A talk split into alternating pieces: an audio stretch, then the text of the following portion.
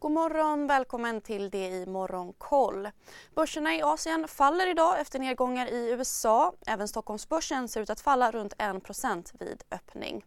Hongkongbörsen faller närmare 2% och börserna i Fastlandskina faller 1,5% Shanghai ska återigen stänga ner skolor för att stoppa smittspridning av covid-19-viruset.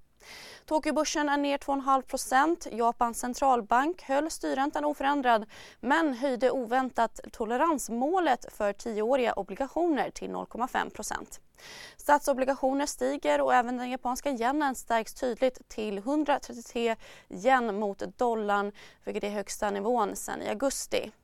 Wall Street-börserna inledde veckan neråt. S&P 500 stängde ner 1 och Nasdaq 1,5 Disneys aktie föll 5% Enligt Wall Street Journal landade intäkterna från premiären av den senaste Avatar-filmen under estimaten. Teslas aktie steg inledningsvis men föll tillbaka vid stängning. Twitters användare har nu röstat för att vd Elon Musk ska avgå. Musk har inte gett besked om sin eventuella avgång men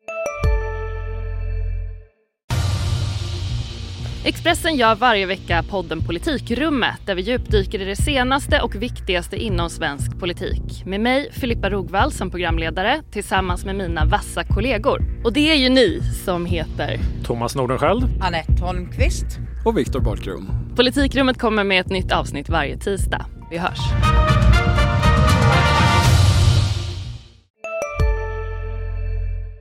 Sa bland annat i en Twittertråd att framtida omröstningar ska vara reserverade för tjänstens betalande medlemmar.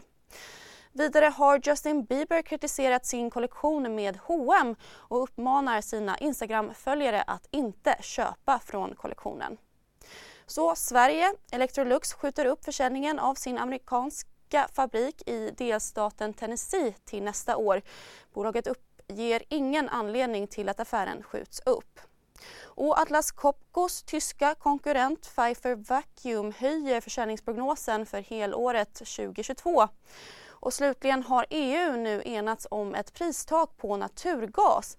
Taket ska slå till automatiskt om terminerna för en, tre och 12 månader på den nederländska naturgasbörsen stiger över 180 euro per megawattimme under tre arbetsdagar. Energiminister Ebba Busch kommenterade att effekterna är svåra att överblicka. På dagens agenda tyska producentpriser under morgonen. Dessutom rapporterar sportklädeskedjan Nike efter börsstängning i USA.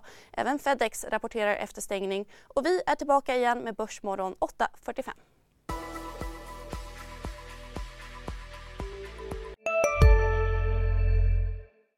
Vi är specialister på det vi gör, precis som du.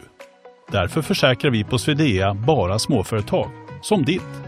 För oss är små företag alltid större än stora och vår företagsförsäkring anpassar sig helt efter firmans förutsättningar.